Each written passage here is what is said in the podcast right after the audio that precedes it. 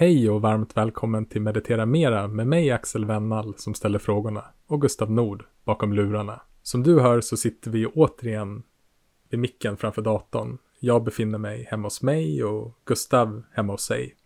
Och vi ska precis ta och ringa upp Kai Rung som befinner sig i Svensbyn strax utanför Piteå för att prata om meditation och kommunikation.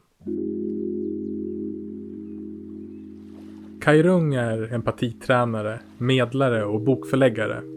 Han har arbetat som konsult och utbildare i Sverige och internationellt sedan 1998 och han driver företaget Friare Liv tillsammans med Liv Larsson. Kai har arbetat med kommunikationscoachning och medling med non-violent communication som utgångspunkt sedan 2001.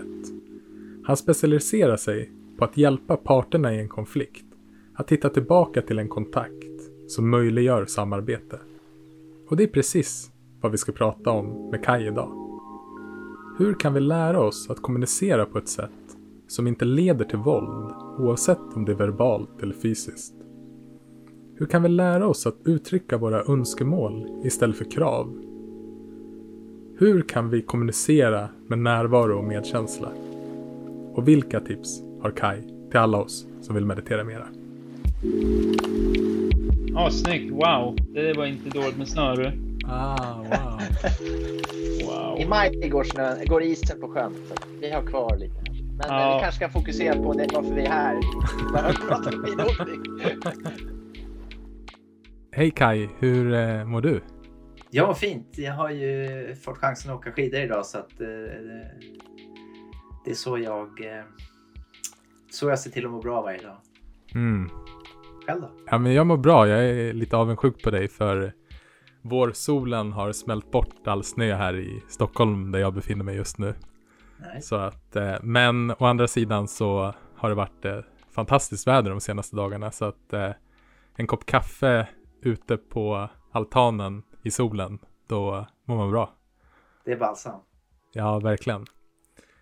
Det här är ju första gången vi, vi ses, även om vi nu ses på det här digitala sättet, så är det första gången vi träffas så här. Men vi har hört lite inför vårt samtal och du var ju vänlig nog att skicka Marshall B. Rosenbergs bok Nonviolent Communication, ett språk för livet till mig som jag haft förmånen att läsa. Ja. Och just nonviolent communication och kommunikation är det vi ska prata om idag. Och jag tycker det här är ett så intressant ämne. För jag tror att det är många som känner igen sig med mig att man kan med hjälp av meditation till exempel öva upp sin närvaro.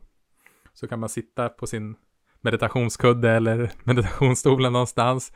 Och så kliver man ut och så känner man sig väldigt närvarande. Och så kommer man in i en diskussion kanske med en familjemedlem och så vips säger det så är all närvaro som bortblåst. Och äh, efter att ha läst den här boken så har jag i alla fall jag har fått massa fantastiska verktyg för att kunna ha med sig den här närvaron och medkänslan och kunna öka förståelsen in i, in i olika relationer och hur vi kan kommunicera. Och det ser jag verkligen fram emot att utforska tillsammans med dig idag i vårt avsnitt. Men först och främst, jag är lite nyfiken på dig eftersom vi aldrig har träffats. Hur kommer det sig att du jobbar med non-violent communication eh, och har, har det någon koppling till meditation? Ja, eh, det har det väl. För mig, det jag jobbar med, det handlar ju om att vara medveten om hur jag tänker, hur jag mår, hur jag eh, kommunicerar, hur jag interagerar med andra. Så det är en form av närvaroträning som skulle kunna social, eh, som är mer social än att jag sitter med blunda ögon på en kudde. Ehm, Sen har jag mediterat också men min sambo hon säger du är ingen riktig meditatör säger hon. eh, För att jag, jag sitter inte och mediterar men jag, jag, jag eh, använder min vakna tid och försöker vara så närvarande jag kan. ehm, eh, och kring det som vi ska prata om. Då, så. Mm. Och, och hur jag kom in på det här. Det, ja, det är väl som de flesta att man, eh, man skapar problem i, i sitt liv som man sen försöker lösa. Och eh, jag har alltid haft lätt för att prata men just vad jag säger till folk det hade jag inte alltid reflekterat så mycket över. Så jag hamnade i mycket konflikter. Eh, och det här är drygt 25 år sedan. Då. Så jag hade ett smeknamn som var Konfliktkaj då. Så att, eh, så, så, så, så, jag var i någon form av desperat eh, behov av någon form av handledning. Hur ska jag hantera andra människor? Var väl det liksom. Hur ska jag han, hantera alla idioter som jag hade runt omkring mig?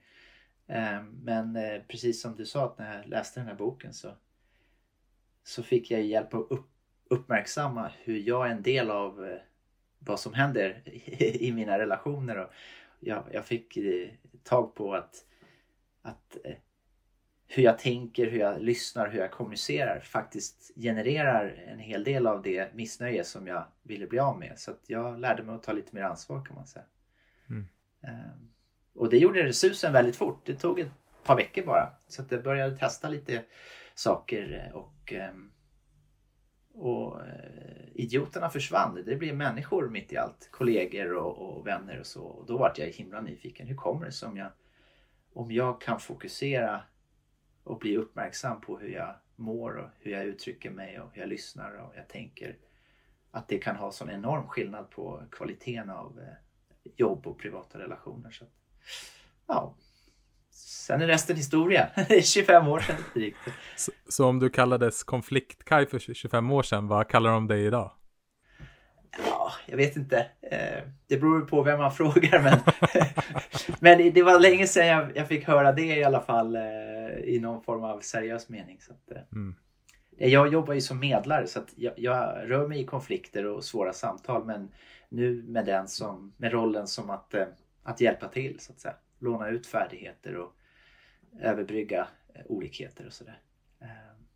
Och du nämnde just det här att du själv hade skapat problem för dig själv. Och det är väl en, en, en viktig insikt att och kanske någonstans där vi ska börja det här samtalet att det tycks ofta vara så att när vi är i konflikter med andra så lägger vi över ansvaret på dem och att vi inte själva tar ansvar för våra handlingar och känslor. Hur, hur kom den här insikten för dig och hur har den på något sätt genomsyrat ditt liv sen det hände? Att du insåg att du faktiskt är ansvarig själv? Ja, det där är en hård nöt att svälja. Att, mm. att gå från att eh, se att det är andra som är ansvariga för, för alla problem eh, som blir till att själv ta ansvar för det. Ehm, så det är väl någon sån här gradvis, gradvis lärande och mognad, liksom att växa upp som vuxen på något vis. Ehm, men det, det är väldigt inspirerande att träffa människor som, som tar mer ansvar än omgivningen. Och då är det som, wow, de gör något annorlunda. Så jag har haft förmånen att träffa människor, bland annat Marshall Rosenberg då, som, som jag har liksom kunnat eh, kopiera eller eh, liksom härma och, och se, ja just det, varför blir det där annorlunda? Och, så, så det är väl en sak. Eh, och jag vill ju vara en del av lösningen och inte en del av problemet så att säga. Mm. Men ibland är ju, verkar det vara som att jag i alla fall, jag gasade rätt så hårt. Det vill säga att ju hårdare man tar i, ju hårdare smäller det. Och, och, och, på, så att om man bråkar halv, med halvfart så då, då, kan man ju orka bråka väldigt länge kanske. Men om man bråkar med helfart så, så eh, gör det ont rätt så fort. Eh, vilket gör att då blir det så här, okej okay, ska jag fortsätta med det här och hur ska jag hantera det här? Så. Så, så. det handlar väl om att bli uppmärksam på hur, hur att man, missnöjet blir, driver ju lite grann förändringen. Mm. Eh, så. Ja men jag känner igen mig i det att någonstans man, man får motivation i varenda konflikt man är i som blir sur på något sätt. Det är liksom ja. varenda gång jag och min fru brukar prata om det där att efter vi har haft vissa konflikter så känner det är liksom det är en känsla av ah, vad onödigt. Var liksom att vi, vi pratade om varandra eller någonting. Och, och, men också att den lite sura känslan skapar någon sorts motivation till att försöka kunna göra det bättre nästa gång och lära sig av sina misstag. Ja. Um, och det verkar vara så också att att när vi kommer över en viss tröskel så att säga, då blir lärandet självgenererande. Det har jag ju sett under de här åren att de, de människorna som kommer över en viss tröskel, då, då är viljan att förändras, viljan att lära sig är starkare än motståndet till att liksom skylla ifrån sig. Eh, så det jag tänker mig att det är eh, när vi får smak på den här självständigheten, att jag kan ta ansvar för mitt liv. Det är en himla, jag menar så är det för oss vuxna, liksom normen i samhället på något vis. Vi ska, bli, vi ska betala våra egna räkningar, vi ska ta hand om oss själva, vi ska ha liksom egen, vi ska vara e våra egna. Så mm. Samma när det kommer till konflikthantering eller till kommunikation. Att jag, jag vill ta ansvar. Då äh, sätter det fart. Så tar man sig över den tröskeln då, då, man, äh, då går det ut för så att säga. På ett bra sätt. ja men också det här i att när vi tar ansvar för oss själva så är ju det en, en väg mot frihet. För om man hela tiden klandrar andra så är man också beroende av andra för sitt eget välmående. Och då kommer man aldrig kunna vara fri. Så att, att kunna se det att även om, precis som du sa i början där, att det kan vara ett lite bästpiller att svälja att men vänta nu, är det jag som är ansvarig så är det ändå det kommer någonting väldigt gott ur det. Det, det finns en frihet här att hämta och det tycker jag också är någon sorts motivation till att vilja lära sig och utveckla sig.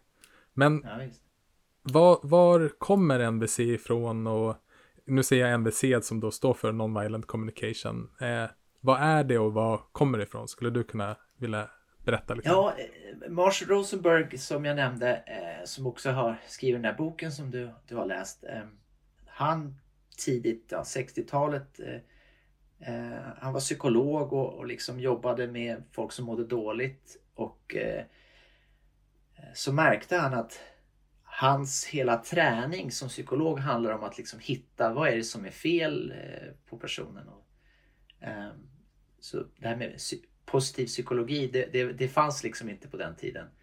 Eh, som är populärt nu. Så, så, han, han märkte att hur folk tänkte och hur de pratade och, eh, till sig själv och sin omgivning. Det var en del av varför de mådde dåligt så att säga. Så då börjar han intressera sig för eh, vad är det för färdigheter vi behöver för att kunna ha ett bra liv. För att liksom, ja, typ frågan hur är vi ämnade att leva? Eh, så, så det var väl saker som han liksom märkte att folk var deprimerade för att de tänkte på ett visst sätt. Och då eh, blev han intresserad av, av språket då. För vi tänker ju genom språket. Och vi kommunicerar genom språket.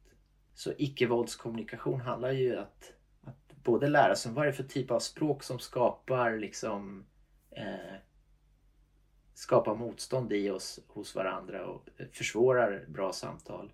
Och sen också lära sig vad är det som vilket typ av språkbruk hjälper oss att förstå varandra och väcka medkänsla. Och, eh, så det var väl några av de sakerna där, där det liksom satte igång. Och sen har, var, han ju han engagerad i olika typer av konflikter i, i USA. Då.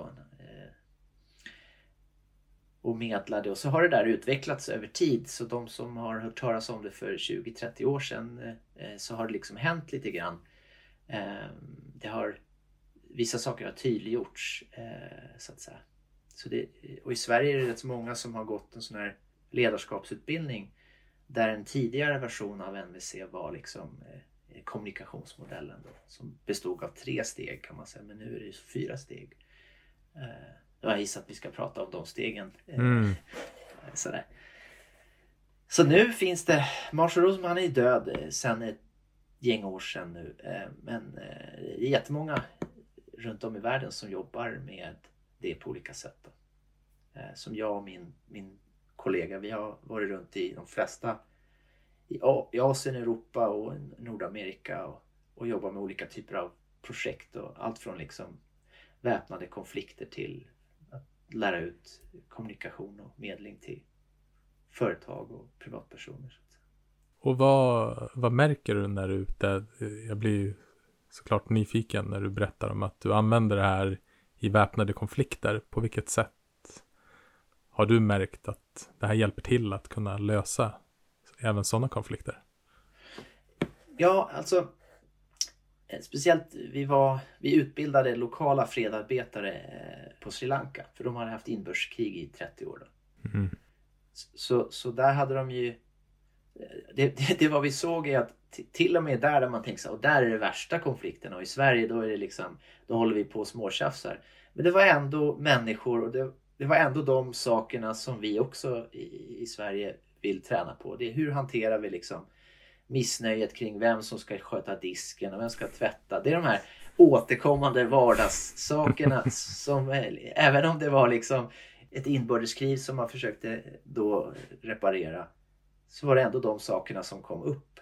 Så det, det blir som tydligt att vi det här återkommande dagliga mm. eh, problemen som vi liksom tjatar om tandborstning med våra barn och vi, vi, ska få eh, hur ska vi fördela liksom hushållsarbete och sådana där eh, saker.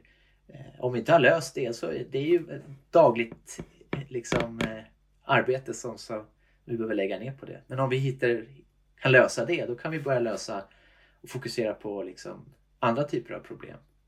Eh, jag blev förvånad. Jag tänkte att nej, men det måste vara mycket mer spännande konflikter och sådär. Sen är det ju så att där är en annan typ av smärta för att man, jag träffar människor som har fått sina eh, alla sina familjemedlemmar liksom eh, mördade under inbördeskriget. Så att det är inte lika många i Sverige som, som har varit med om. Eh, så djupet av liksom, smärtan och så är ju annorlunda. Så att, eh, än, än när vi tjafsar om, om saker på, på jobbet så att säga. Eh, mm. Här. Eh, men det som är så fint är att det, det är allmänmänskligt. Det vill säga att, att det går att använda de här, det här förhållningssättet på en konflikt som handlar om liv och död. Men det går också att handla om hur, vem, vem, ska liksom hur ska vi lösa den här grejen på jobbet? Just det. Och i NVC så finns det ju två delar och precis som du var inne på så har vi de här fyra komponenterna som vi ska gå igenom och bryta ner idag och att vi ärligt uttrycker dem. Men sen också den andra delen är att vi lyssnar empatiskt genom de här fyra komponenterna. Och nu till exempel när du har varit i Sri Lanka, hur upplevde du att de som hade varit med om en sån tragik, att de hade förlorat alla sina familjemedlemmar, kunde de trots det lyssna empatiskt? det är det som är fascinerande. Eh, jag hörde det första gången från Marshall Rosenberg när han hade varit i, i Afrika, eh, inbördeskrig där. Och sen så fick jag uppleva det själv då när vi var på Sri Lanka. Att det finns människor som har varit med om liksom, hemska saker, saker som är svåra att föreställa sig. Men de vill inte hämnas. Mm. De vill bara se till att det inte händer igen. Mm. Och så finns det såklart de som vill inget som går i säng varje natt och bara längtar efter att få hämnas. Så det, det, vi, vi kan hantera liksom eh, saker olika. Och eh, NVC kommer ju från att man har studerat människor och sett att det är skillnader på hur vi agerar och kommunicerar. Och som också leder då till olika resultat. Så att det är egentligen inte så mycket att hitta på i det här utan det är mer så här vad är funktionellt om man är intresserad av att skapa hållbara liksom, eh, kontakter mm. med både sig själv och sin omgivning. Ehm, det har du säkert erfarenhet av också att, det finns människor i din omgivning där du känner att det, det är lätt att få kontakt och du känner dig förstådd även om du inte är tydlig och de har tolerans med dig eh, även om du har en dålig dag. Och sen har du mest troligt också människor kring din omgivning där, som inte är så toleranta och eh, där är liksom du, du kanske väger dina ord på guldvåg mer för att eh, det är känsligt så att säga. Eh. Ja, ja, men definitivt och det tror jag vi alla känner igen att det finns vissa människor som gör oss trygga. Och medan i andra relationer så har vi inte den där tryggheten och det det jag har märkt är att människor som är väldigt närvarande i sig själva och väldigt trygga i sig själva, men också som har en det är ju såklart inte att de säger det rakt ut, men man känner det. Det finns en värme och den värmen för mig symboliserar en form av välvilja och medkänsla. Ja. en, en form av acceptans. Att så här, det är okej, du får säga vad du vill här. Eh, det är okej, liksom. Jag kommer inte eh, ogilla dig ändå, utan jag accepterar dig för vem du är. Ja. När man har sådana relationer, ska man säga, när man både kan ge och få det så känns livet mycket, mycket härligare än när man inte har det. Ja. Så de här fyra stegen, jag tänkte att att vi skulle gå igenom dem och också se lite grann, ja men konkret, hur, hur fungerar det? För eh, när man läser om NVC och börjar ta in det här så är ju liksom på pappret kan det kännas ganska enkelt. Men sen ska man bara applicera det här i livet så inser man att det här är ju, det här krävs träning. Ja. Det kanske låter och ser enkelt ut, men det är inte helt lätt. Just. Så eh, vad är, liksom, vad är det första steget i processen? Ja, eh, det kan vara eh, bra att börja med vad är syftet? Så man inte Ah. glömmer bort syftet eh, så att det inte blir en teknik. Utan att det blir mer som ett förhållningssätt. Låt oss börja där. Så syftet är att skapa en god kontakt. Att hur kan du och jag skapa en kontakt om vi har ett samtal? Och, då är det bero- beroende på situation såklart. I en konflikt eller i ett svårt samtal. Om jag prioriterar kontakten.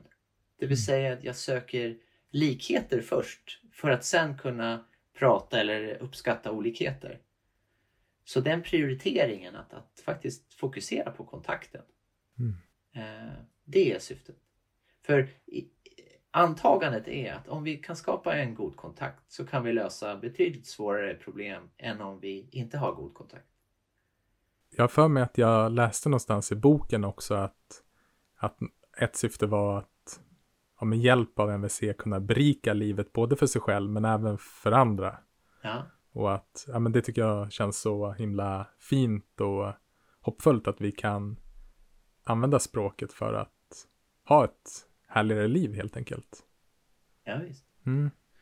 Och, och, och det blir ju tydligt nu när vi ser att det finns enorma utmaningar i, i världen. Eh, liksom det blir en typ av stress att vi, vi får inte röra oss fritt på samma sätt på grund av eh, covid och så. Att, att vi behöver kunna samarbeta kring eh, eh, vårt välmående och de resurserna som vi har. Och, eh, så att, eh, jag tror att det är en superkraft både nu men också ännu mer in i framtiden. Eh, att, att kunna ha bra relationer och, och, och genom det kunna lösa problem som uppenbarligen det, det, kommer, det kommer spännande problem som vi behöver lösa eh, som, som mänsklighet. Mm.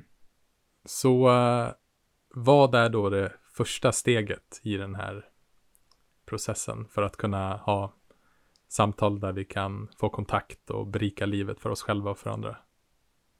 Ja, eh, om vi ska prata om någonting tillsammans så underlättar det ju att vi komma överens om vad vi ska prata om. Det vill säga vi behöver ha någon form av delad verklighet. Så att, att kunna göra det, att kunna prata om vad är det jag faktiskt vill prata om. Och vara tydlig med det. Och ett exempel skulle kunna vara att eh, om du, har, om du Axel har gjort någonting som, som jag stör mig på och så vill jag liksom ta upp det med dig. Då kan jag ju antingen säga att men du är en störig jävel liksom. Och så, eh, och så hoppas jag att du ska liksom förstå och bättra dig. Mm. Men chansen är ju ändå rätt liten. För att eh, de flesta som får höra att man kallar dem för namn eller att man dömer dem på olika sätt. De blir ju defensiva eller så hugger de tillbaks. Så den första nyckeln är att, att kunna vara så uppmärksam, så medveten om vad är det faktiskt du har gjort som jag stör mig på. Och sen kunna beskriva det i ett liksom, som om jag vore en videokamera. Mm. Är det någonting du har sagt? Är det någonting du har gjort? Eller har du sagt att du skulle göra någonting och sen inte gjort det? Är det det jag stör mig på? Eller vad är det jag stör mig på? Eller har du lämnat liksom eh, disken, Eh, den skitiga disken på matbordet och inte plockat undan efter det? Eller vad är det, vad är det jag stör mig på? Så att kunna observera alltså utan att, att tolka. Och äh, det här är ju, kan ju, ja men liksom, en, en observation kan ju liksom låta ganska enkelt, men när man börjar bryta ner det här och kolla på de här exemplen så insåg jag i alla fall att oj vad ofta jag tolkar in i en observation. Ja. Men bara det exemplet som du gav alldeles nyss, att någonting är stökigt, är ju egentligen en tolkning. En, en Ja. mera konkret observation skulle kunna vara, det står två tallrikar i diskon. ja. Och så kan man börja se att, att det, är inte, det är inte helt, helt lätt att observera, för vi är så vana vid att tolka in hur vi själva ser på det hela. Precis, och i och med att det här är ju då eh, en meditationspodd så kan vi faktiskt liksom stanna till lite extra här. För om, om, vi, om vi leker med tanken medveten närvaro. Eh, och, och nu handlar det om var vill jag rikta min närvaro? För om jag riktar den inåt, då hittar jag de där tolkningarna. Mm. I min subjektiva upplevelse. Alla mina tankar, fantasier, reaktioner. Det är min subjektiva upplevelse. Så en, en nyckel är att lära sig skilja på vad är min inre upplevelse och vad är den delade yttre verkligheten. Så om jag vill prata med dig i den här, om någonting som har hänt i den yttre verkligheten, då behöver jag kunna beskriva det och vara medveten om det. Så det är en, en stor eh, sak man tränar på, att kunna skilja på min subjektiva upplevelse och den här objektiva yttre upplevelsen. Mm. Så eh, det är som du säger, det, på pappret är det superenkelt. Men så fort man känner lite grann på insidan, man blir lite irriterad eller arg eller besviken eller trött eller hungrig. Så är det jättelätt att blanda ihop vad som händer där ute och vad som händer här inne. Finns det några sådana här eh, väldigt klassiska eh, misstag som du märker när du håller kurser eller när du är ute och pratar med folk? Vad liksom, finns det några sådana här uppenbara som man kanske inte tänker på eh, själv? I hur vi blandar ihop observationer och tolkningar. Eh, ja, fort och fel är en, en favorit. Fort och fel. Ja. Eh, så fort vi har bråttom så är det som mycket lättare att blanda ihop. Medan eh, om man tar ett djupt andetag, om jag kan sakta ner tempot lite grann, eh, så blir det mycket lättare att liksom hålla isär saker. Så medveten närvaro, att liksom ta några djupa andetag, känna in kroppen, okej. Det är en bra förutsättning för sen fortsatt kunna hålla isär så att säga. Ja, men det tycker jag också är så intressant och jag, jag kan ju se det själv i de konflikter jag haft där jag känner att ah, attans, där gick det inte liksom. det gick inte som jag hade hoppats på. Är att jag missar den här lilla pausen mellan stimulit och min automatiska reaktion. Jag får liksom inte den här, vi kan kalla den mindfulness-pausen. Att få den här lilla timeouten. Så, så egentligen skulle man kunna då säga att om man ska ha en svår diskussion så första steget nästan innan man observerar är att få in en liten paus. En liten timeout. Ta några andetag. Mm. Det, jag brukar tänka att om jag ska få saker gjort snabbt med människor, tillsammans med människor. Så det bästa sättet det är att sakta ner. Mm. Jag menar, jag har hört att brandkåren inte ens springer när det brinner. Just av den anledningen. Jag vet inte om det är sant, men, men det, det, det är så i en konflikt. Ju fortare vi försöker göra saker, vi forcerar, så, så skapar vi mer städprojekt så att säga. Eh, Så sakta ner är en sak. Mm. Sen i NVC så vi studerar ju språket. Så att lära sig identifiera språk som är dömande och lära sig identifiera språk som är beskrivande. Har du några exempel där på hur det kan se ut? Ja, eh, om vi använder mobilkameran som ett exempel. att Om jag satte upp eh, mobilkameran i, i mitt kök. Vad kan den fånga? Vad kan jag sedan åter liksom se på inspelningen? Det blir ju observation. Det blir ju det som man, den delade verkligheten. Medan det som händer i min fantasi, hur jag tänker och tolkar om det som jag kan se på filmen, det blir ju då tolkningarna. Så jag kryddar liksom verkligheten. Och då använder vi språkbruk som är då dömande och tolkande. Som om jag säger Axel, du är en trevlig person. Eller Axel, du är en otrevlig person. Eller du är arrogant. Eller du är, du är mysig. Eller du är, du är intelligent. Eller du är smart. Så har jag inte berättat någonting om vad du har gjort. Utan vad jag tänker om dig. Medan om jag sa att när jag såg dig lösa det där problemet som vi pratade om förut på ett sätt som jag inte hade tänkt på. Det, det gör att jag tänker att du är intelligent. Då har jag liksom beskrivit vad det är jag har iakttagit och därför så dömer jag dig för att vara intelligent. Eller det tog dig fem minuter längre än för mig att lösa den här rebusen.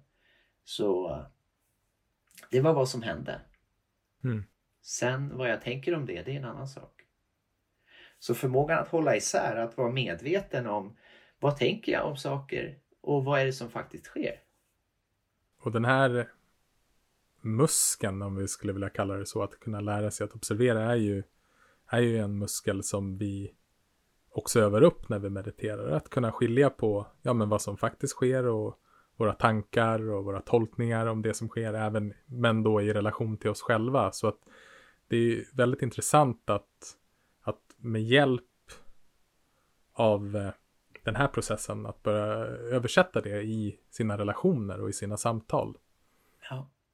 Man kan säga att NVC är en kommunikationsmodell.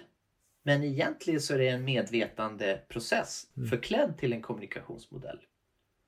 För om vi ska praktisera NVC så behöver vi vara närvarande i nuet. Vi behöver veta hur vi mår, vi behöver kunna sortera kring vårt inre. Vi behöver kunna navigera i den här yttre delade verkligheten. Och vi behöver också kunna prata om det. Så det är en form av meditationsträning kan man säga som är inte i relation till mig själv bara utan jag och du. Så de i det här i relaterandet. Så att säga. Och efter vi då har observerat utan att tolka eller döma, vad, vad ska vi då göra i steg två? Ja, då föreslår NVC att vi eh, lyssnar på vårt inre och kollar med hur, vad, vad är vår reaktion? Så om, du, om jag nu har iakttagit att det står två odiskade tallrikar i diskhon. Så hur känns det för mig att se dem? Och då ställs vi inför utmaningen Kan jag beskriva för mig själv och för dig vad jag känner? Blir jag då irriterad? Blir jag besviken? Blir jag förbannad? Eh, blir jag glad? Eh, så. Just det. Och för de flesta så är utmaningen att vi blandar ihop vad vi tänker och vad vi känner. Mm. Så man blandar ihop att jag känner att du är slarvig. Och så är vi tillbaks på dömandet. Mm. på ruta ett. Så vi på något sätt så med, med just med hjälp av ordet känner så går vi riktigt inte, vi går, vi använder, liksom, går inte in i vad vi själva känner utan vi gör en bedömning av hur vi andra tycker att de är. Ja, man, ja, precis. Man kan säga att när vi öppnar munnen och så säger vi jag känner att. Då är det rätt så säkert att det inte kommer ett ord för en känsla. Utan det kommer en tanke. Eh, det är ett sätt som jag har tränat på att, att bli uppmärksam, medveten om vad jag känner. När jag själv så att säga nästan lurar mig själv. Jag känner att och så pratar jag om dig. Och då är vi tillbaks på det där vi började med att då gör jag dig ansvarig för hur jag mår. Mm. Och det kan ju aldrig vara, eh, som för en, en vuxen person som mig själv, så kan ju det aldrig ge mig en känsla av att jag är självständig och att jag har makt över situationen. Om jag tänker och kommunicerar på ett sånt sätt så att jag direkt gör dig ansvarig för hur jag mår. Så det är självmål varje gång kan Mm. man säga. Och precis på samma, samma sätt så är det ju när vi kommunicerar att du får mig att känna. Ja, du gör mig glad. Är precis samma sak som du gör mig arg. Mm. Jag gör dig ansvarig för det. Så då istället försöka knyta an det här då till den känslan vi har och på hur, hur kommunicerar vi det på bästa sätt? För jag tänker att det här är också en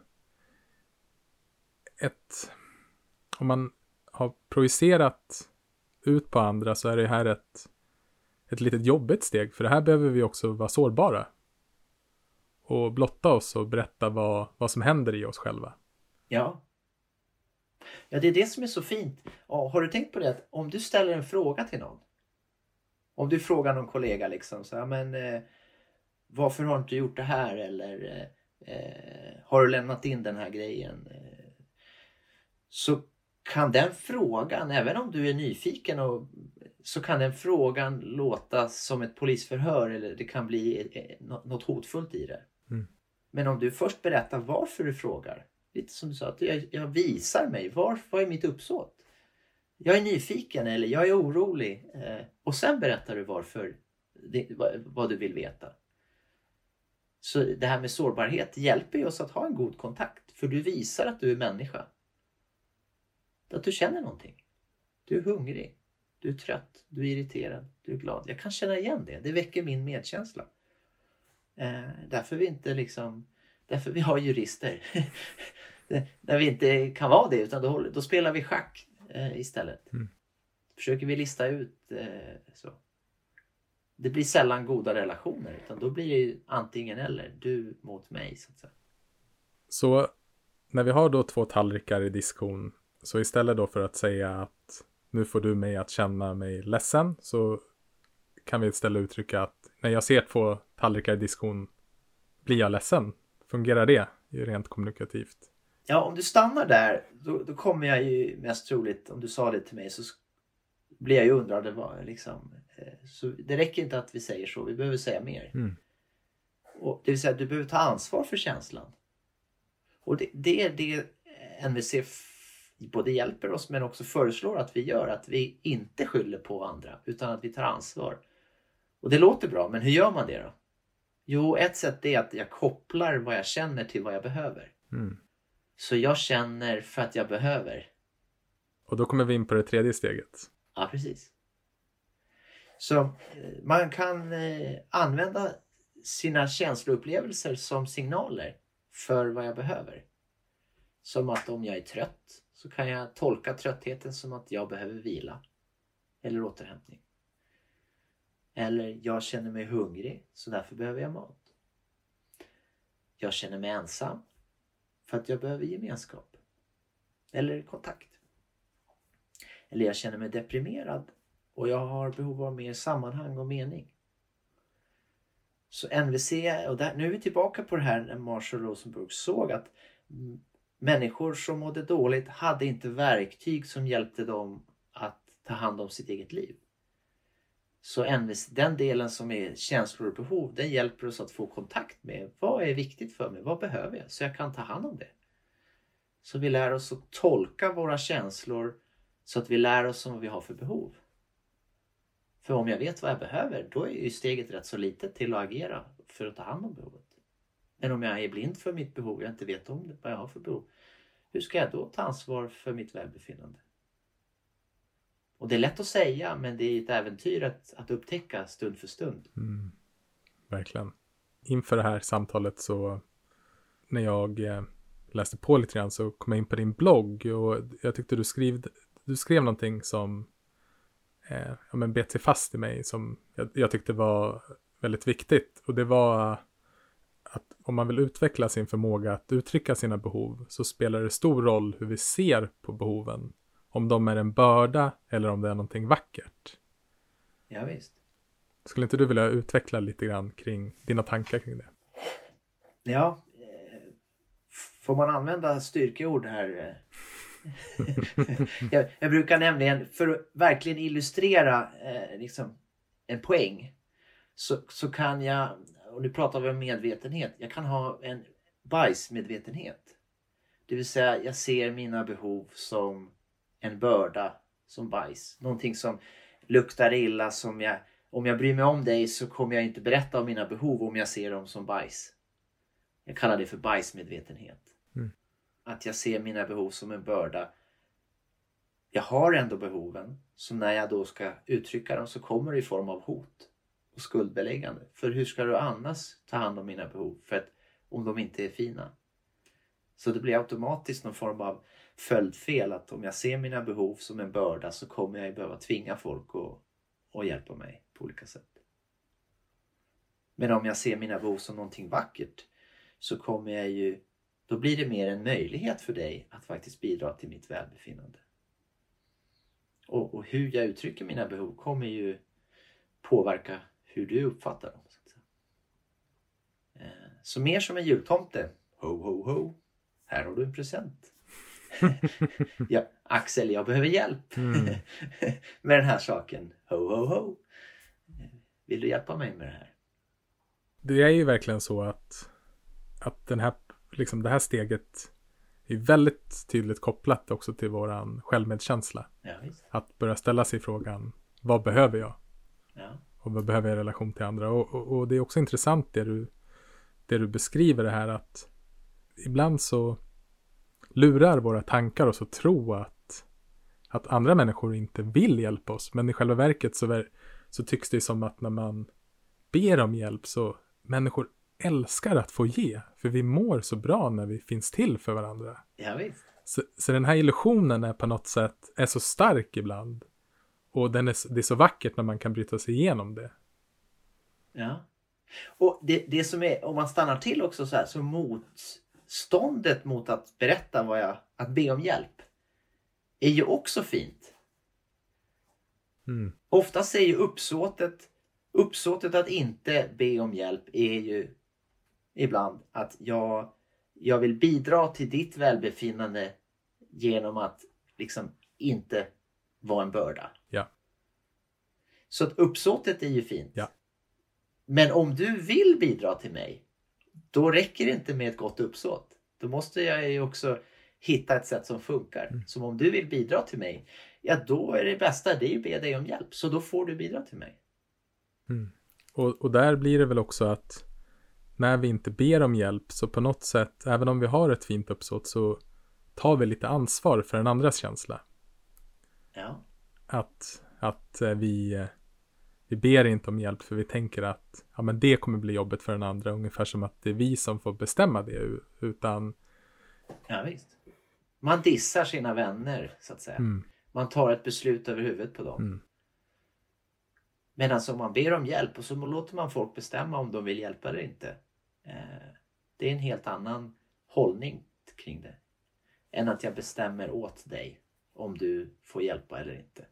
Genom att jag inte frågar. Vi har ju nu sett hur vi kan observera, hur vi kan uttrycka vad vi känner och koppla ihop det med behov. Då har vi det sista och fjärde steget kvar, att ett önskemål eller att be om hjälp som du har sagt. Ja. Vad är, vad är viktigt att tänka på när vi gör det? En sak som är viktig är att om jag vet att jag har ett behov så vill jag ju inte bara bli medveten om behovet. Det räcker ju inte att bli medveten om att jag har behov av näring. Jag behöver också ta mig till kylskåpet och äta. Om jag har upptäcker att jag har behov av gemenskap så räcker inte det med den närvaron, medvetenheten. Utan jag behöver också ringa en vän. Eller jag behöver också besöka en vän. Eller jag behöver också eh, agera för att tillgodose behovet. Så önskemålet är den bryggan kan man säga. Hur man ber om att få sina behov tillgodosedda. Och då är det bra att vara så tydlig som det bara går. Så när NVC-tekniskt språk så brukar vi prata om görbara önskemål kontra icke görbara önskemål. Det vill säga om jag är så tydlig så att jag berättar vad jag faktiskt vill ha. Eller om jag är vag. Så att du behöver fylla i och gissa. Ja, då ökar ju chansen att du gör något annat än vad jag faktiskt eh, skulle vilja.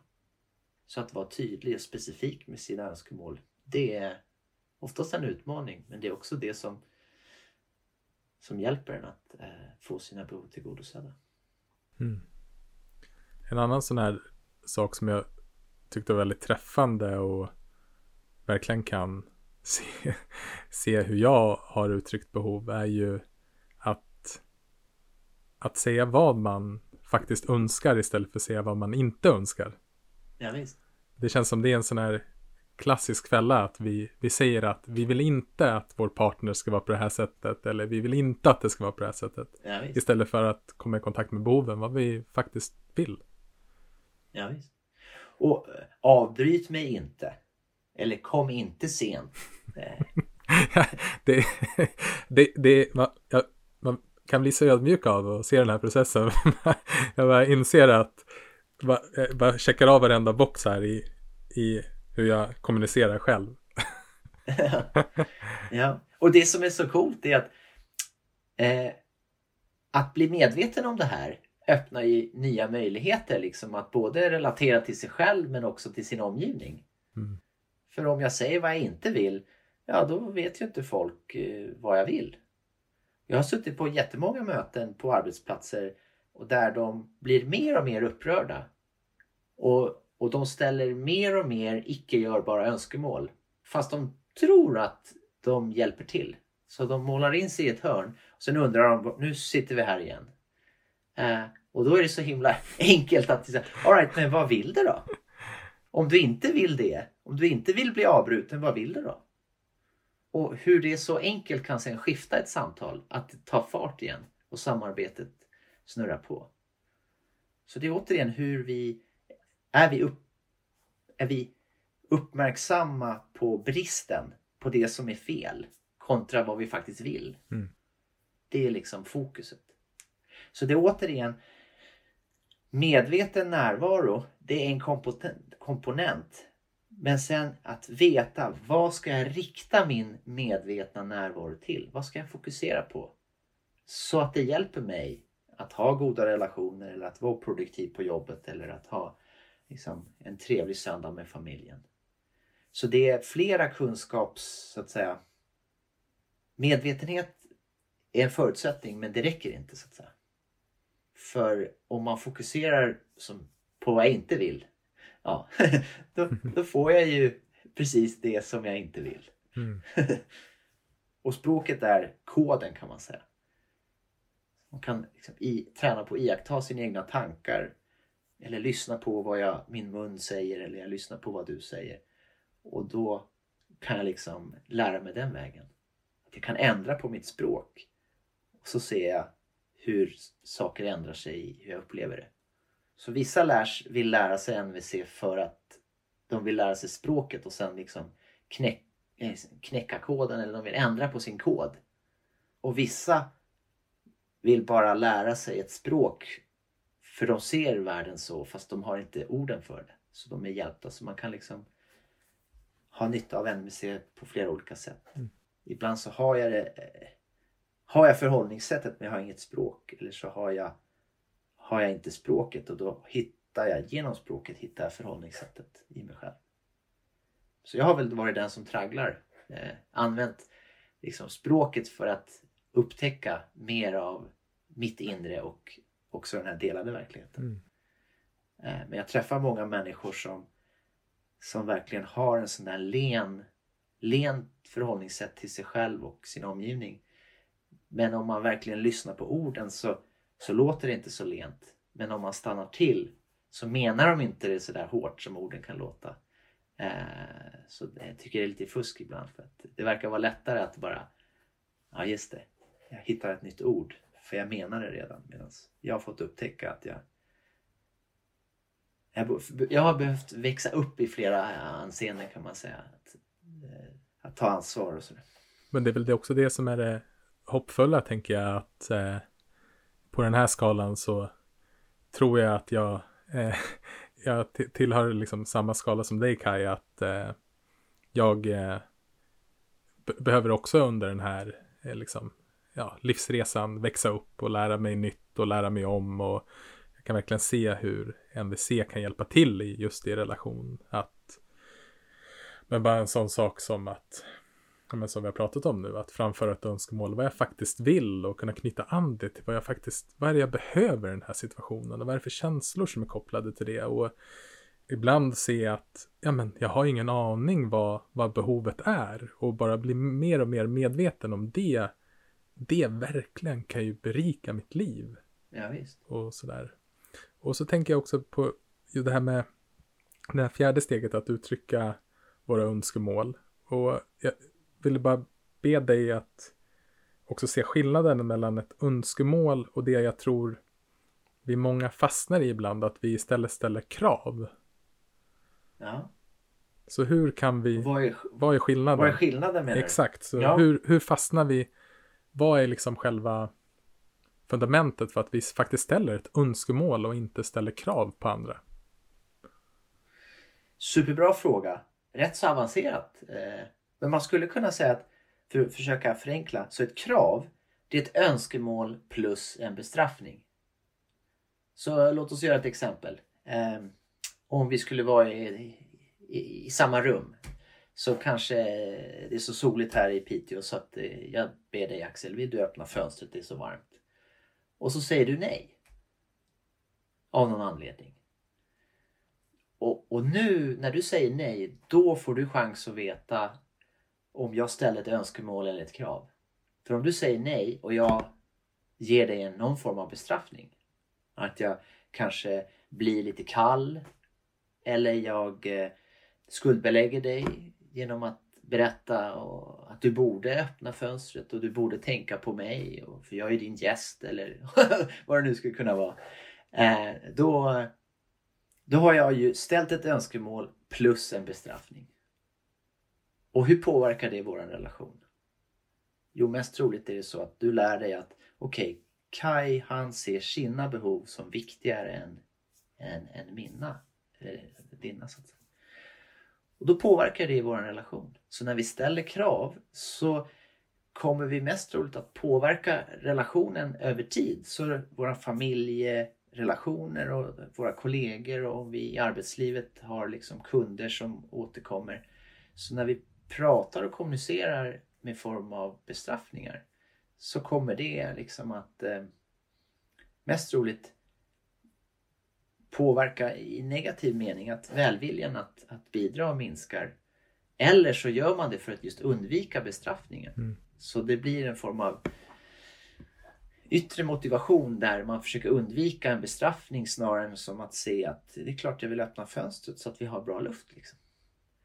Så den här glädjen att bidra kan försvinna när vi ställer krav. Om vi håller oss kvar då, där då. Eh, vi vänder på steken här nu så då blir det enklare för mig att relatera till det här. Jag har bett dig nu att eh, öppna fönstret. Ja. Och tycker ändå att det är ett ganska, ja men det är, det är ju rimligt att du ska öppna fönstret för du sitter ju precis där vid fönstret.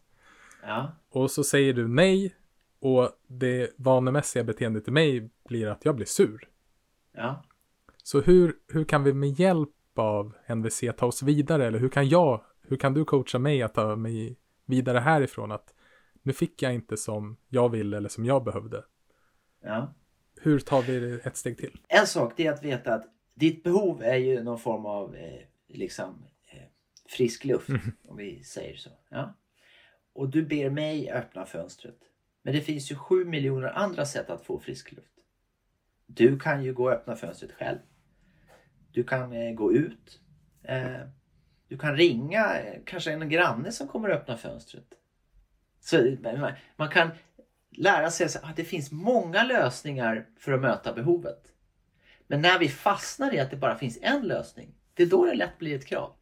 Så det är det andra svaret kring krav. Det vill säga att har vi bara en lösning för att möta, tillgodose vårt behov, då blir det ju per definition ett krav. Mm. För allting hänger på just den, så att säga, personen eller den strategin. Medan om jag har två eller fler sätt att tillgodose behovet, då, då blir det inte ett krav. Utan då har jag ett alternativ, en plan B så att säga. Hur förhåller man sig till att, vi, vi håller oss kvar vid det här exemplet, att man känner för egentligen det som uppstår är ju en ny situation, att man har ett önskemål att be om att någon öppnar fönstret och så den här personen kanske väljer att då, ja men, nej men jag, jag vill inte göra det där. Och då kanske det uppstår en ny känsla som kanske kommer ut som är en känsla av att bli ledsen eller sårad. Ja. För att man har ett behov av, eh, det kanske väck, väcker någon form av eh, gamla minnen av att gemenskap eller respekt. Ja. Hur handlar det då kring att kunna kommunicera det nya behovet? Är det så vi tar oss vidare från den diskussionen? Man kan säga så här, om jag skulle säga nej då och du ber mig öppna fönstret. Så vad blir den nya känslan om vi då leker att vi har en sån situation? Här? Men jag känner mig, jag känner mig besviken i det här fallet. Ja. För att? För att jag har ett behov av att vi hjälps åt hemma. Och eh, det känns eh, som mitt behov av eh, att vi hjälps åt och ja, men stöttar varandra. Det, det, det är liksom det behovet gör att jag känner mig besviken just nu. Nice. det. Så eh, det du pratar om den har ju två sidor det myntet. Ett är att jag hjälper dig och det andra sidan är att du hjälper mig. Så det låter som att du är beroende av att jag öppnar fönstret för att du ska uppleva att vi hjälps åt. Mm. Men jag skulle också kunna säga att ja, men du kan ju hjälpa mig. Eh, och på så sätt så bidrar du till mig och också möter behovet av att vi hjälps åt. Men du är den som agerar. Det där är en, en jättevanlig grej. Att när vi bara har tillgång till att andra ska möta våra behov och vi inte ser att vi också sitter på den andra sidan på myntet. Då finns ju inte det valet. Ja, det är, men det är så intressant när man gör de här övningarna för man kan verkligen se hur låst man kan vara i en viss tankesituation. Och det vi var inne på i början är att man kan flytta över, även om det här var ett, liksom ett exempel, så tror jag många känner igen sig att man sitter fast i den här positionen. Men du, liksom, du behöver hjälpa mig för det här. Men så inser man att Ja, då har man återigen lagt över ansvaret på någon annan. Ja, visst. Och hade vi varit på kurs nu eh, då hade du sagt ja men jag har ju öppnat fönstret tio gånger i rad nu Kai. Så liksom höjt ribban lite Ja. grann. Ja. Så länge du bara är intresserad av att få vad du vill ha så är det lätt att det blir dragkamp. Men vad skulle hända om du blev intresserad av varför jag sa nej? Jag måste ha en fantastiskt god anledning att jag säger nej till möjligheten att hjälpa dig att få frisk luft. Eller hur?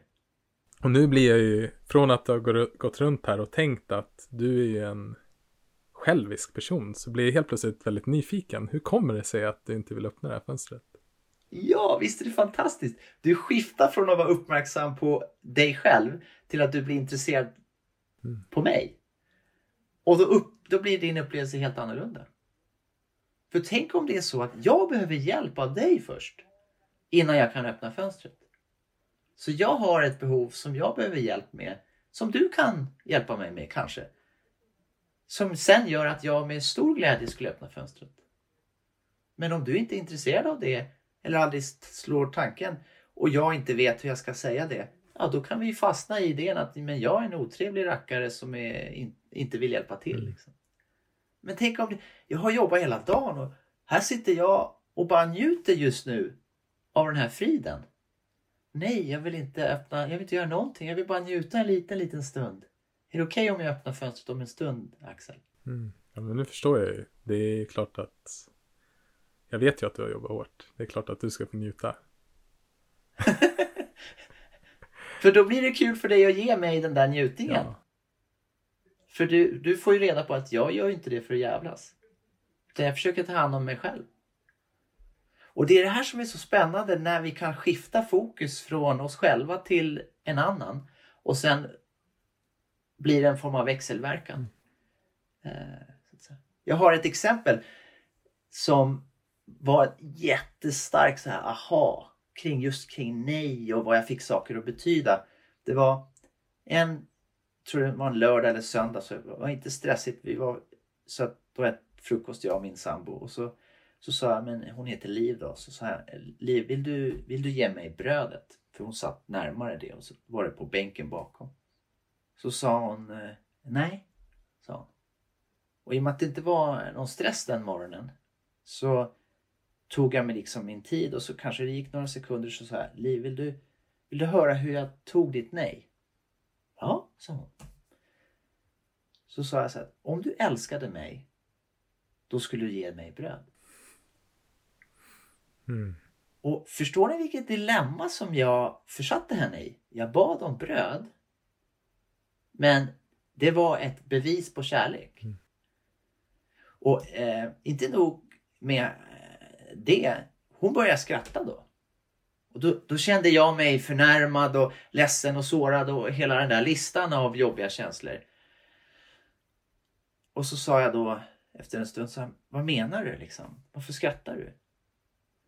Och då sa hon så här, men jag sa ju nej för att jag älskar dig. Då gick säkringen, jag fattade ingenting. Jag var helt förvirrad. För i min värld var det som att om man älskar någon så gör man alltid det vad de ber om. Det var ett bevis på kärlek. Men nu säger min sambo till mig att hon har sagt nej till att ge mig bröd för att hon älskar mig. Det gick inte ihop i min värld. Så jag sa, men vad menar du? Och då sa hon så här, hade det varit någon annan så hade jag gett dem brödet. Men jag känner mig så trygg med dig att jag kan vara mig själv. Och just nu så satt jag och njöt av den här stunden. Så nej, jag vill inte hämta brödet. Och mitt i allt så blev hennes nej, som för en liten stund sedan var det jobbigaste jag hade varit med om, blev ett bevis på att hon älskar mig. Så jag, kunde, jag fick hjälp att tolka om innebörden av ett nej Mm. under en frukost. Så det där har gjort att jag har i alla fall blivit lite mer nyfiken på när folk säger nej.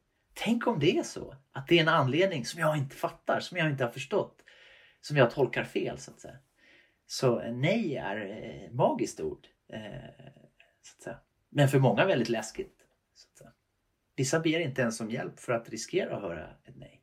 Ja, du är, jag tycker det är väldigt intressant för nu när du säger det och berättar den här historien om brödet så slår det mig att vi och jag gör en tolkning nu att lyssnarna och du och jag, vi, vi har, det är nog så att vi säger nej oftast i de relationerna där vi är som tryggast och i, i relationer precis som din sambo kunde säga nej till dig där vi älskar någon.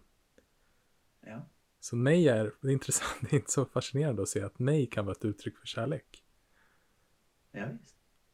Och att kunna få med sig den tryggheten och kärleken och medkänslan in i alla relationer. Ja, och vi vet ju inte förrän vi har kollat. Så att eh, vi behöver kolla innan vi tolkar vad nej betyder. Så kan det vara bra att kolla. Mm. Vad menar du? Hur ska jag ta ditt nej? Så det är återigen den här medvetna närvaron. att Är jag medveten om att jag har dragit en slutsats utan att kolla med den som det berör? Eller vill jag kolla med den eh, om min tolkning är relevant? Så att säga. Också intressant i berättelsen, det slog an en ton hos mig. för Jag känner igen det där att man, man kan be om någonting som kan vara ganska trivialt och sen kan man översätta det i sig själv till att det betyder någonting helt annorlunda. Som att, Ja, som att någon ska älska en för att man hämtar bröd eller för att man tar ut disken eller någonting. Alltså man, man, Ja, visst. man översätter det och, det och bara bli medveten om det är ju också frihet. Ja, visst. Det är fascinerande för, för vi hela tiden så tolkar vi in saker. Det är en del av att vara människa. Jag gillar ju att åka skidor och, och eh, i våran by så finns det ju många duktiga skidåkare. Eh, och eh, om någon av dem hälsar på mig eller någon landslagscoach liksom kommenterar så här, då, då känns ju den hälsningen så mycket mer värdefull för att jag är, gillar att se på skidåkning och åka skidor än om någon annan säger hej eller vad kul att du åker skidor. Så det är också så här, eh, passa på och njut av att det är olika. Men att vara medveten om eh, att vi faktiskt laddar eh, saker på olika sätt. För det är ju just det där du pratar om, den här friheten. Mm. För det är jag som gör det, så då... Och vi har varit inne lite grann på det nu och du har ju beskrivit här hur vi också kan lyssna och använda den här processen och lyssna. Vad, eh, vad, är liksom, vad är viktigt att ha med sig när vi, när vi lyssnar med empati och när vi försöker ha med oss det här då om man vänder på steken när vi ska försöka förstå vad andra säger till oss. Ja. Så, så man skulle kunna säga att när vi umgås så finns det ju ett jag och det finns ett du. Jag är här och du är där. Eh, om det ska bli någon form av ömsesidigt samarbete eller kontakt så behöver jag ju både visa mig och det gör jag genom att berätta vad jag vill och hur jag mår. Och jag vill ju gärna se dig också. Så när du uttrycker dig och du visar dig så vill jag ju se dig. Det vill säga jag vill lyssna och ta emot. Så därför så om vi ska ha fungerande samarbeten eller liksom ömsesidiga relationer så behöver vi kunna både uttrycka oss och lyssna. För när du pratar så behöver jag lyssna annars har du pratat i onödan så att säga. Mm. Så vi, vi turas om. Så är man medveten om det eh, då blir man ju också intresserad av att träna på att lyssna precis som man tränar på att visa sig. Så att säga. Eller vara ärlig. Och då kan man använda samma sortering. Så när du säger saker så kan jag ju välja att höra. Hur hör jag? Om du kallar mig för idiot så kan jag ju välja att försöka komma ihåg. Så är det någonting jag har gjort som kan ha lett till att du drar en sån tolkning? Eller jag kan höra, eh, försöka höra mellan raderna hur du känner dig och gissa vad du har för behov. Så vi har ju makten att välja vad vi hör. Vilket gör att eh, jag kan använda samma kunskap eh, på det sättet. Att jag kan sortera vad folk säger. Det, det enklaste kan ju låta tjorvigt det här men om man ska förenkla riktigt rejält så kan man säga att vi människor vi säger egentligen bara två saker. Och då blir lyssnandet mycket lättare. Vi, vi säger antingen tack för att du har hjälpt mig möta mina behov. Eller snälla, hjälp mig möta mina behov. Så när någon skäller på dig nästa gång så kan du välja att höra, säger personen tack för att du har hjälpt dem? Eller säger personen, snälla hjälp mig möta mina behov. Och mest troligt så vill de ha hjälp att möta sina behov. Mm. Och blir man intresserad av att hjälpa dem möta sina behov, då behöver man inte höra kritik utan då kan man eh, bidra med det som man kan höra och det man kan göra. Och det här, det här är ju verkligen ingen liten insikt. För om, för om vi förstår att det är liksom bakom kritiken, bakom ja, men bakom konflikten så finns det behov som inte blir tillgodosedda. Om vi verkligen kan förstå det så är ju det liksom, ja, det är ju en så avgörande nyckel för att kunna lösa alla sorters konflikter. Och att, ja, jag tänker också på det här att det hjälper oss att förstå att det handlar inte, om någon kritiserar dig, så handlar det egentligen inte om, om dig, utan det handlar om den andra personen som kritiserar dig. Ja, det är kanske lite eh, långt förenklat. Utveckla, vad tänkte Jag skulle, jag skulle stanna halvvägs där. Okej, berätta hur du jag, skulle, tänker. jag, skulle säga, jag skulle säga så här att om jag kritiserar dig, eh, säger att jag kallar dig för någonting, eh, så vill ju jag ha någonting av dig. Det vill säga du har makten att bidra till mig. Eller du har gjort någonting som har eh, eh, gjort ont. Så du har en del i det här. Eh, och jag har en del i det här. För skulle det bara handla om mig, då skulle du kunna gå och göra vad som helst och så skulle inte någonting spela någon som helst roll. Eh, så du, du har ju makten att bidra till människors... Eh, du påverkar ju människor genom ditt sätt att Mm. vara. Och det spelar ju roll. Så det är en del. Och sen hur jag tar det du gör.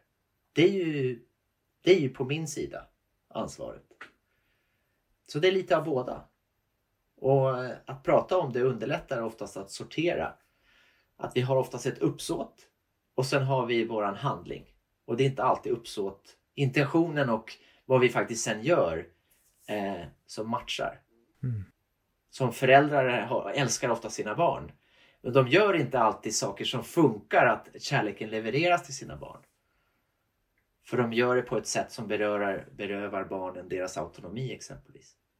Jag är med dig. Jag, och jag ser var, var jag var lite otydlig i det här fallet. Jag, det, där min tanke gick var ja, men, någonting som har, vi liksom har sett mycket de senaste åren och kommer väl få fortsätta se är väl liksom hur det finns olika personer, eh, så kallade nättroll eller eh, eh liksom rasism eller någonting. Och att människor vräker ur sig eller kritiserar andra människor i form på utseende eller på Det, jag menar, det kan ju vara en sån, du var inne på skidåkning. Jag menar, världens bästa skidåkare kan få kritik för att de kom femma.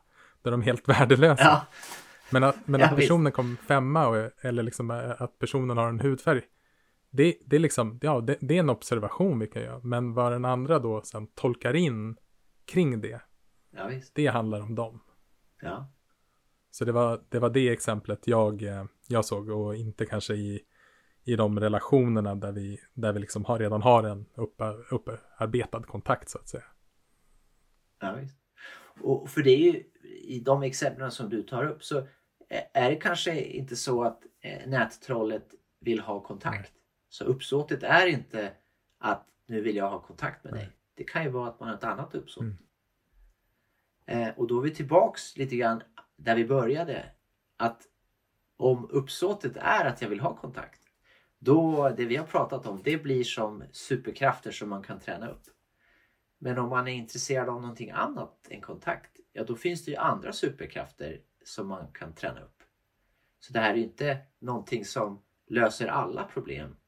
Men när man vill skapa en kontakt som sen möjliggör att vi kan lösa problem eller eh, samskapa, då eh, är det här någonting bra.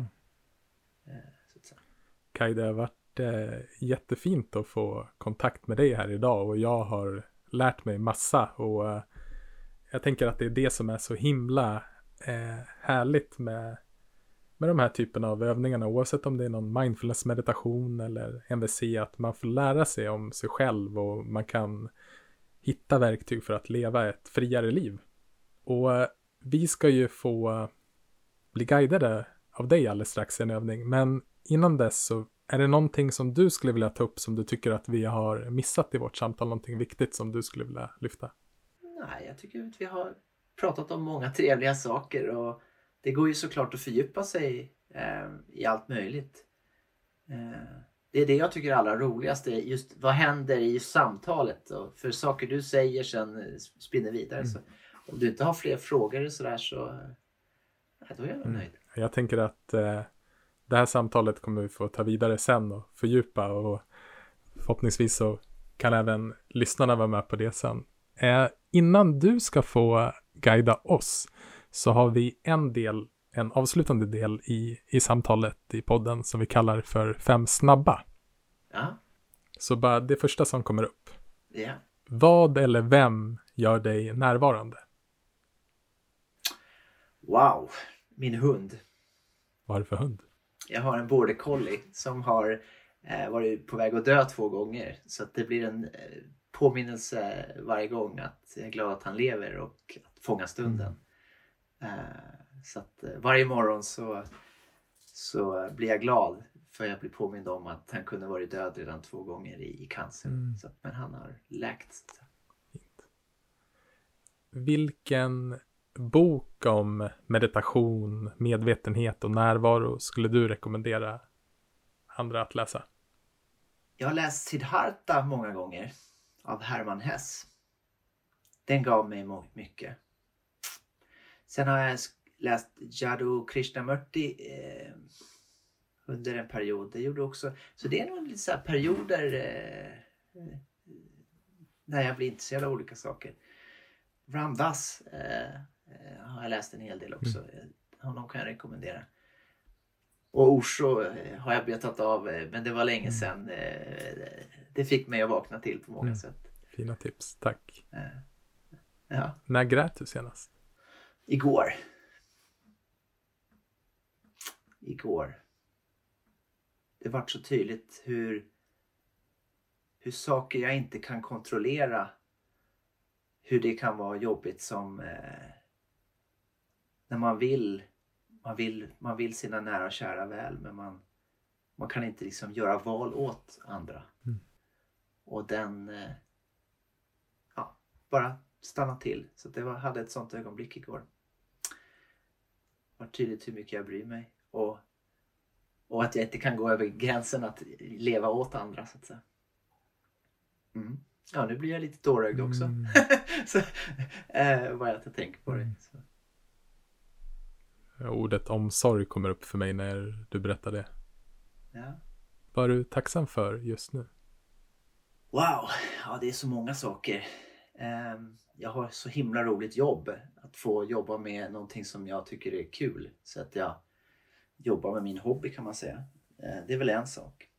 Ja, ja det är många saker. Relationer, eh, min syster och min familj. Och, eh, speciellt nu under den här tiden när man inte träffar så mycket folk så, så blir det att ha några närande meningsfulla kontakter eh, eh, blir meningsfullt. Så det är jag tacksam över. Att jag har goda relationer. Eh, Sista frågan. Vilket är det bästa rådet du har fått? det bästa rådet jag har fått? Ja, jag har fått många goda råd men jag tror att Marshall Rosenberg han gav mig några bra råd. Ehm, att vara nyfiken på det där nejet exempelvis. Ja, det är nog en, eh, en sån där superkraft som, som jag fick tag i. Ja, och sen har vi några landslagsvallare också som har gett några vallatips som gjorde att, att jag eh, kan åka förbi några yngre eh, talanger här. Och det är alltid kul att känna att man är inte helt körd än. Ja, ja, Ja, så det finns ju råd på olika nivåer. verkligen. Men vallatips kommer bra till eh, så här. Och nu ser ju inte lyssnarna dig, men jag som ser dig såg hur du lös upp när du kom på vilket råd som betydde mest.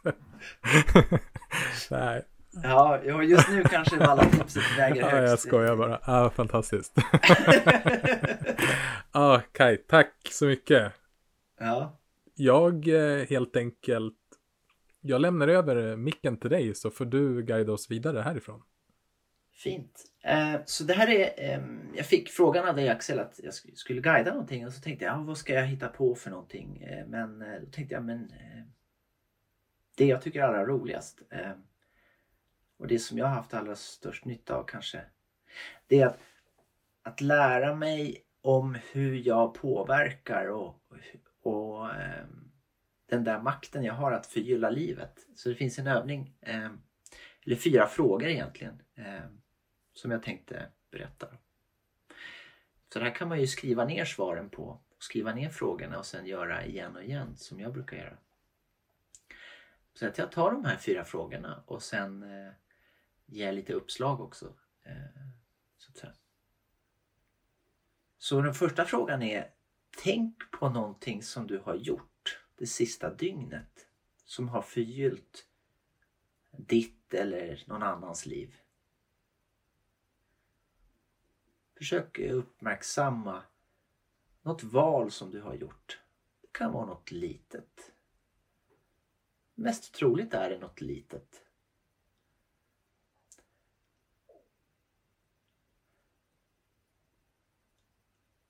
Det kan vara att du har hjälpt någon med något. Du har bjudit någon på mat eller öppnat en dörr för någon som hade händerna fulla eller vad som helst.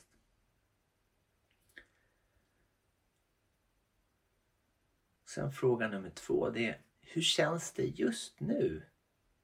I det här ögonblicket när du tänker på att du gjorde någonting som bidrog till dig och eller någon annan. Bara notera. Blir du glad? Blir du generad? Blir du rörd? Vad känner du?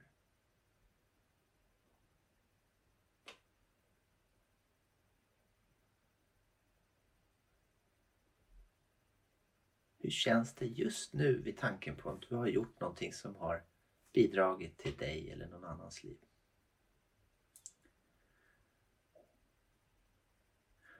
Och sen fundera på fråga nummer tre. Vad är det för behov som du har just i den här stunden som blir tillgodosett bara att du tänker på att du valde att göra det där? Vad är det för behov som du har just nu? Som blir tillgodosett. Just bara att du tänker på att du valde att göra något som bidrog till ditt och eller andras välbefinnande.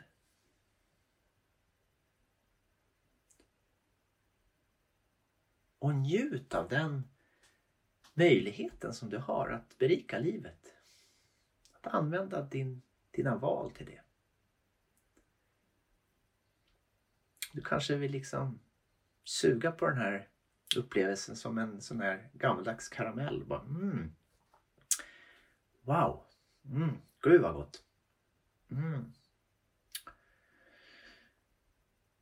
Njut av den kraften du har.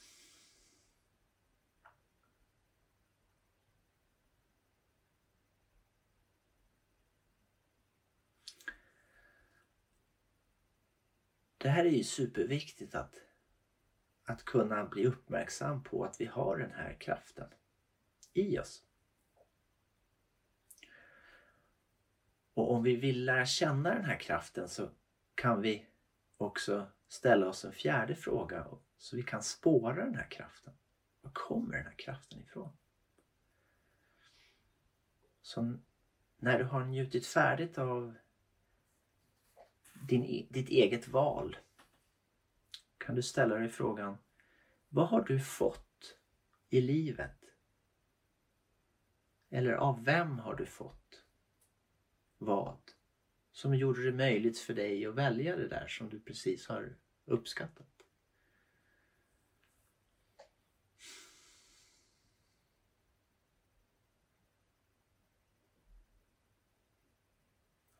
Vad har du fått? Kanske är det någon person som har inspirerat dig eller gett dig det. Bara bli uppmärksam på att mest troligt är det så att alla de fantastiska saker som du kan göra är möjliga för att du har fått saker i ditt liv. Ibland av en person och ibland av flera personer eller en bok eller vad det nu kan vara.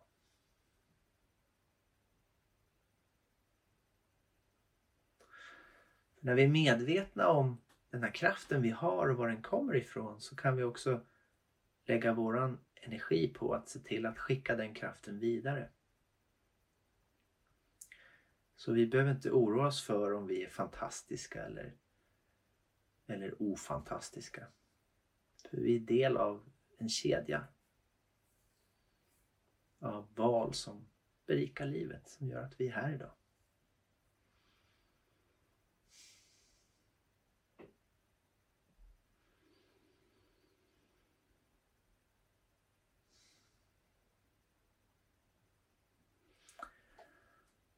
Det kan vara så att du blir uppmärksam på att du har fått någonting som du inte har sagt tack till. Det kanske är så att du vill säga tack till någon. Efter du har blivit uppmärksam.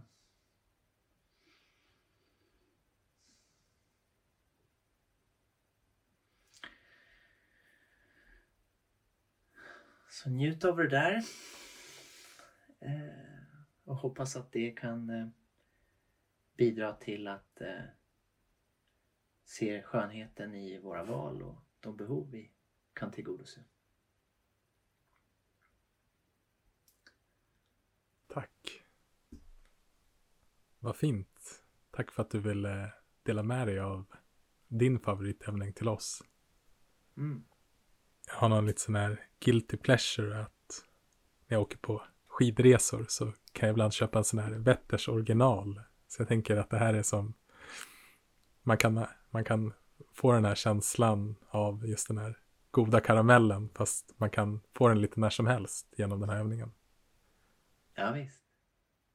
Det går nämligen inte att vara deprimerad och samtidigt komma ihåg eh, den här kraften och var den kommer ifrån.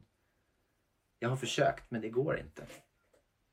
Det är helt omöjligt. Så det blir en form av sån där eh, Werthers original fast med någon form av eh, supervitamin eh, så jag försöker påminna mig om det här dagligen. Att, att hur jag använder mina val och sen vad har jag fått för det. För att det är möjligt. Liksom. Ja, det är ett väldigt effektivt sätt att komma i kontakt med sin tacksamhet och förstå hur vi alla är sammankopplade och, att, Ja, och hur, mycket, hur mycket andras val berikar våra liv. Och så fint att man kan se det från båda, båda sätten, att man kan berika andras liv och att man ens eget liv blir så berikat av andra människor och deras val. Ja. Får jag berätta en grej till förresten? Jättegärna. Jag tänker på det här. Det var en gång jag gjorde den här eh, Jag gjorde den här övningen och då var jag liksom, hade jag en liten fnurr på tråden med min mamma att eh, vi hade ingen god, god kontakt under den perioden. Och så gjorde jag den här övningen och, och jag upptäckte att det jag hade gjort som jag var så nöjd över. Ett något val som hade berikat mitt liv. Att det var ju någonting som jag hade fått av min mamma. Mm. Så bieffekten var att jag var ju som tvungen att, även om vi var osams, så var jag tvungen att ringa till henne och säga så här tack för att jag fått det här. Så då kunde vi inte bråka mer. Så det, var, det löste ett annat problem. Så, att, så att ibland är det som just de där som jag pratat om, hur man tolkar saker. När så tolkar man om det och så, så händer det något helt annat. Så jag blir varm bara jag tänker på det. Att, eh, Vad fint, tack för att du delade. ja, fint. Vi har ju pratat idag om att hur vi kan öppna fönster och disk i diskhon, två tallrikar. Jag tänkte bara som en, liksom en avslutning och sammanfattning. Skulle inte du bara kunna sammanfatta hur vi kan uttrycka oss med hjälp av NVC när vi då ser två tallrikar i diskhon och vi kommer hem och blir irriterade. Jag misstänker att eh, precis som du upptäckte i Sri Lanka så källan till frustration och irritation i hemmet är väl som kanske är som allra störst nu efter att vi knappt kommit ut det senaste året. Ja, Hur kan vi använda MVC för att uttrycka våra behov på ett skickligare sätt? Ja, ja, framförallt så beror ju det på vad vi har för behov. För den där disken kan ju vara Det kan ju vara så många olika saker. Så jag vill ju verkligen vara tydlig med att det finns inte ett rätt sätt att säga saker på. Mm. Har jag tagit bort disken tio, gång, tio dagar på raken så kanske jag känner mig rätt så less. Och säga, nu, eh, jag, har, jag har tagit bort, jag diskar undan tio dagar i rad här och känner mig rätt less på det. Jag undrar, skulle du vilja göra det idag? Det skulle hjälpa mig att få mer balans i hur vi hanterar det här. Det skulle kunna vara en verklighet. Och en annan skulle kunna vara, ja, jag ska åka på skidträning. Så eh, jag vill också att vi kommer undan med disken. här. Kan du tänka dig att ta disken eh, så jag kommer iväg till träningen? Eh, kanske jag säger till min son så att han bidrar till att jag får göra det jag tycker är roligt, det vill säga åka på skidträning. Och så säger han nej, jag har en eh, e-sportturnering eh, som börjar om en stund. Så, ja, så då blir det mer komplicerat. Så då kanske vi kommer överens om ja, men vi kanske hjälps åt sen efteråt ikväll och så får de vara där. Jag vill att han ska ha kul också. Så jag, jag tänker mig den, den viktiga saken det är inte bara vad jag säger utan det är att jag är intresserad av att stå upp för mig själv. Men jag också bryr mig om den andra. Och kan jag bry mig om min sons behov och min sambos behov lika så mycket som mina så kommer det bli som ett klimat. Och då spelar det inte så stor roll hur vi pratar. Så det låter lite konstigt kanske att en kommunikationsmodell egentligen tar bort sig själv.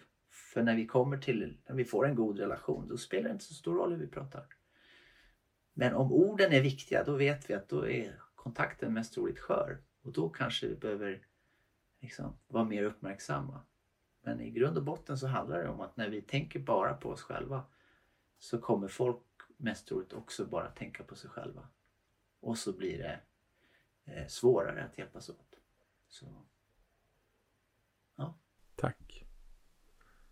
Som en eh, allra sista sak innan vi ska släppa ut dig i skidspåret igen. Eller det, det är, när vi spelar in det här så är det skid-VM så att vi, vi inväntar. vi ser Vi ser hur det går. Ha, har du något tips på någon gäst som du skulle vilja höra i Meditera Mera? Jag har ju en favoritperson helt klart. Det är min sambo. Hon, eh, jag lär mig så mycket av henne så jag tänker mig att hon brukar om hon kan förgylla mitt liv så kan hon säkert förgylla andras liv också. Eh, så det är väl hon. Eh, men eh, jo, det finns en kvinna som heter Jenny som har varit min lärare. Det handlar också om närvaro. Men det handlar om hur närvaron påverkar vårt hjärta och vår hjärna. Något som heter HeartMath. Det har varit också en sån där cool grej. Hur medveten närvaro och så liksom vetenskap och teknik har hur man kan liksom lära sig om att hacka sitt system. Att påverka olika hormonsystem och sådär genom eh, hur man reglerar känslor och hur man fokuserar och sådär. Ja, så att jag, eh, det tänker jag skulle kunna vara intressant för, för era lyssnare också. Som är intresserade av medveten närvaro och kanske också hur saker man kan mäta och, och, och förstå effekterna av hur det påverkar empati och kreativitet och beslutsfattning och sådana saker. Tack för tipset. Det ska vi definitivt kolla upp. Ja. Och eh, tusen tack för idag. Vad fint det var att ses här digitalt. Eh, Jag hoppas vi får chansen att eh, ses IRL snart. Ja, det vore riktigt nice. Det ser jag fram emot. Okej, tack. Tack för att jag fick vara med. Tack för att du har lyssnat på det här avsnittet av Meditera Mera med Kai Rung om meditation och kommunikation. Vi hoppas att du har blivit inspirerad av vårt samtal och av Kais meditation. Om du vill komma i kontakt med Kai hittar du hans kontaktuppgifter på vår hemsida mindfully.nu. Och är det något vi har tagit med oss från vårt samtal med Kai så är det att börja bli mer nyfiken på nejet. Ta hand om dig så hörs vi snart igen.